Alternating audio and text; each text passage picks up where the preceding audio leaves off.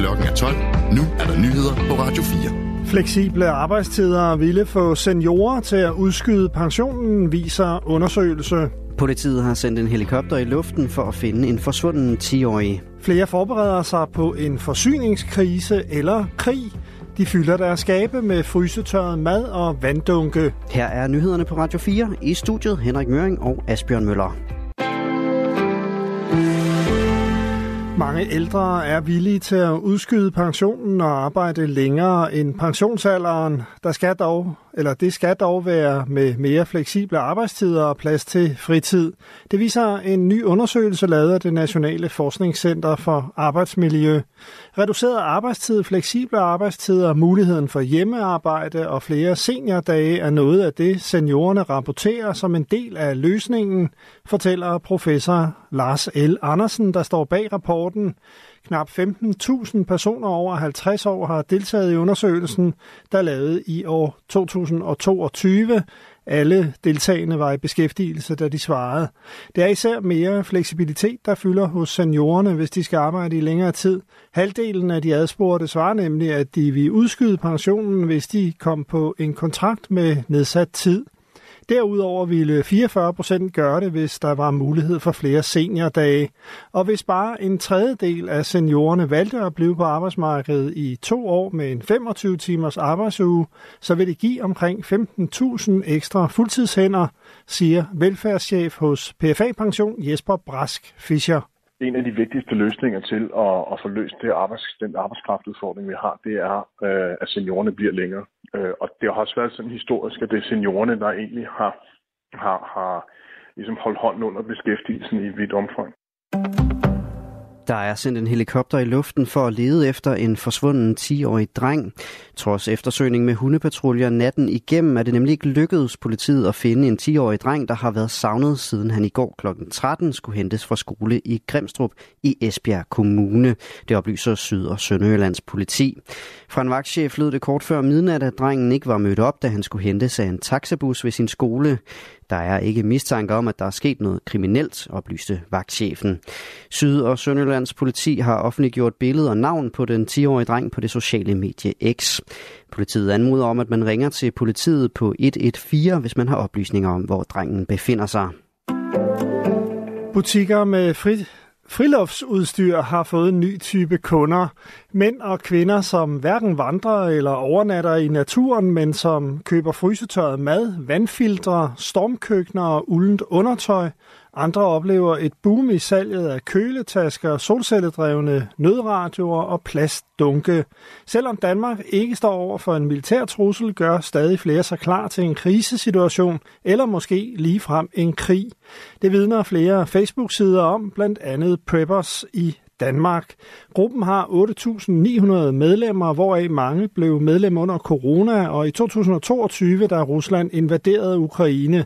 Siden er antallet vokset stødt. Alene den seneste måned er ca. 1.000 nye kommet til. Og hos butikskæden Spidersport mærker man tendensen, siger direktør Thomas Vangsgaard. Vi sælger mere, end vi nogensinde har gjort af det, vi kalder lejerlivprodukter. Det er store vanddunke, minimadlavningssæt og frysetørret mad, siger han. På Forsvarsakademiet forstår Ph.D. i historie og adjunkt Iben Bjørnsson godt, at flere forsøger at gardere sig. Der er måske ikke grund til at gå fuld prepper, øh, men det kan være meget fornuftigt at have sådan et lille, øh, et lille hjemmeberedskab til nogle timer eller nogle dage. Hun efterlyser information fra myndighederne om, hvad det er for trusler, Danmark står overfor. Selvom det måske ikke er relevant at tale om krig i Danmark, øh, så er der jo et problem med det, der hedder hybride trusler altså en ting, der ikke er krig, men, men alligevel er disruptive. Jeg, jeg tror, det er det, folk har svært ved at navigere i, i virkeligheden. Altså, hvor ligger truslen? Hvad er overdrevet, og hvad kan vi måske egentlig med nogen fornuft sige, at det her det er fint at forberede sig på? Og der tror jeg, vi mangler noget klar øh, myndighedsinformation. Ungarns parlamentsformand har underskrevet ratificeringen af Sveriges NATO-ansøgning. Det fremgår ifølge Reuters af det ungarske parlaments hjemmeside. Lovgivningen er videre sendt til præsidentkontoret, som står for bekendtgørelsen af loven. Det kræver også en underskrift fra den ungarske præsident, inden Ungars ratificering kan videresendes til Washington D.C., skriver nyhedsbureauet TT. I det øjeblik, hvor dokumenterne er modtaget, er Sverige fuldgyldigt medlem.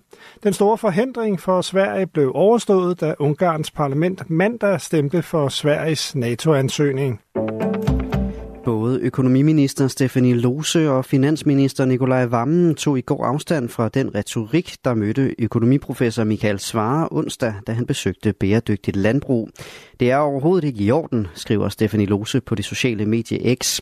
Hun tager klart afstand fra den behandling, Svare fik.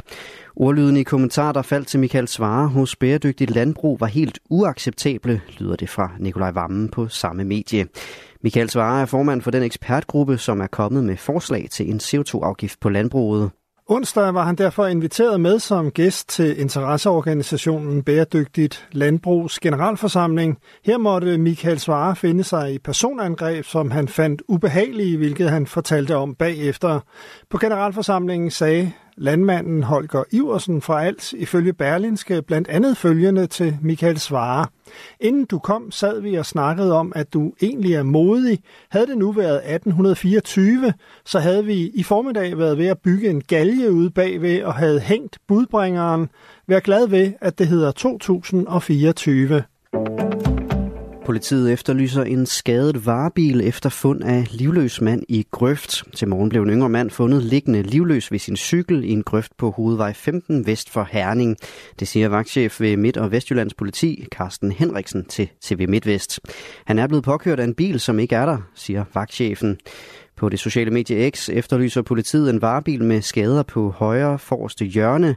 Sidespejlet er revet af. Det samme er formentlig en skærm, skærmkant i plastik.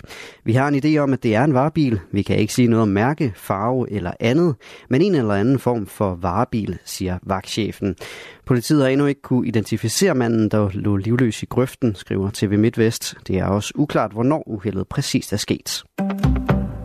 Anonym sæddonation eksisterer ifølge professor ikke længere på grund af gentest. Det skriver politikken, Sara Birk Becker fortæller. Anonym sæddonation har i mange år gjort det muligt for mænd at donere sæd til sædbanker og hospitaler med vidsthed om, at donorbørn og familier ikke vil kunne finde frem til dem på et senere tidspunkt. Men det sætter moderne hjemmetest en stopper for. Det siger Mikkel Heide Schiup, der er professor i bioinformatik ved Institut for Molekylær Biologi og Genetik ved Aarhus Universitet.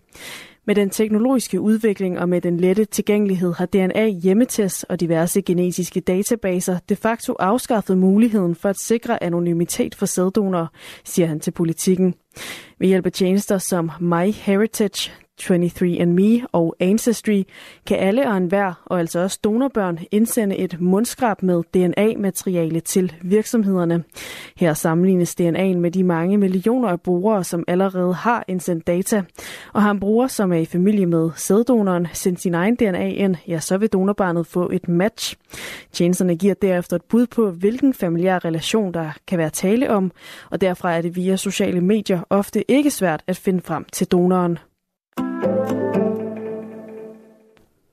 Der er fejl i appen Rejseplanen, hvilket betyder, at S-tog ikke bliver vist korrekt. Det fremgår af en meddelelse i appen, ligesom DSB også skriver det på X. S-togene kører som normalt og til tiden, men på grund af en teknisk fejl bliver mange S-tog i øjeblikket vist som aflyste i rejseplanen, skriver DSB. Fejlen ventes at være rettet kl. 13, oplyser de. I mellemtiden henviser DSB til afgangstavler og hjemmesiden mittog.dk, hvor man kan se afgangene. Der var et enormt sikkerhedsopbud ved den afdøde oppositionspolitiker Alexei Navalny's begravelse i Moskva i går. Det fortæller den danske ambassadør i Rusland, Jakob Henningsen, til TV2. Der var både almindelige betjente til stede, der var urobetjente, og der var paramilitære enheder. Og det var helt klart, at øh, det signal, man ønskede at sende fra myndighedernes side, det, det var, at vi vil slå hårdt ned øh, ved det mindste optræk til, til ballade. Navalny, der tidligere er blevet kaldt Putins værste fjende, blev 47 år, da han døde i en russisk straffekoloni. Tusindvis af støtter var mødt op foran den kirke, hvor ceremonien fandt sted.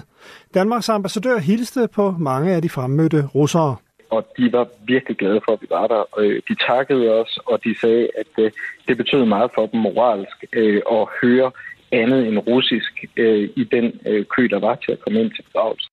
Russisk politi har anholdt mindst 131 efter begravelsen, oplyser OVD Info. I løbet af dagen klarer det op fra sydvest med lidt sol, fra 5 til 10 graders varme og svag til jævn vind fra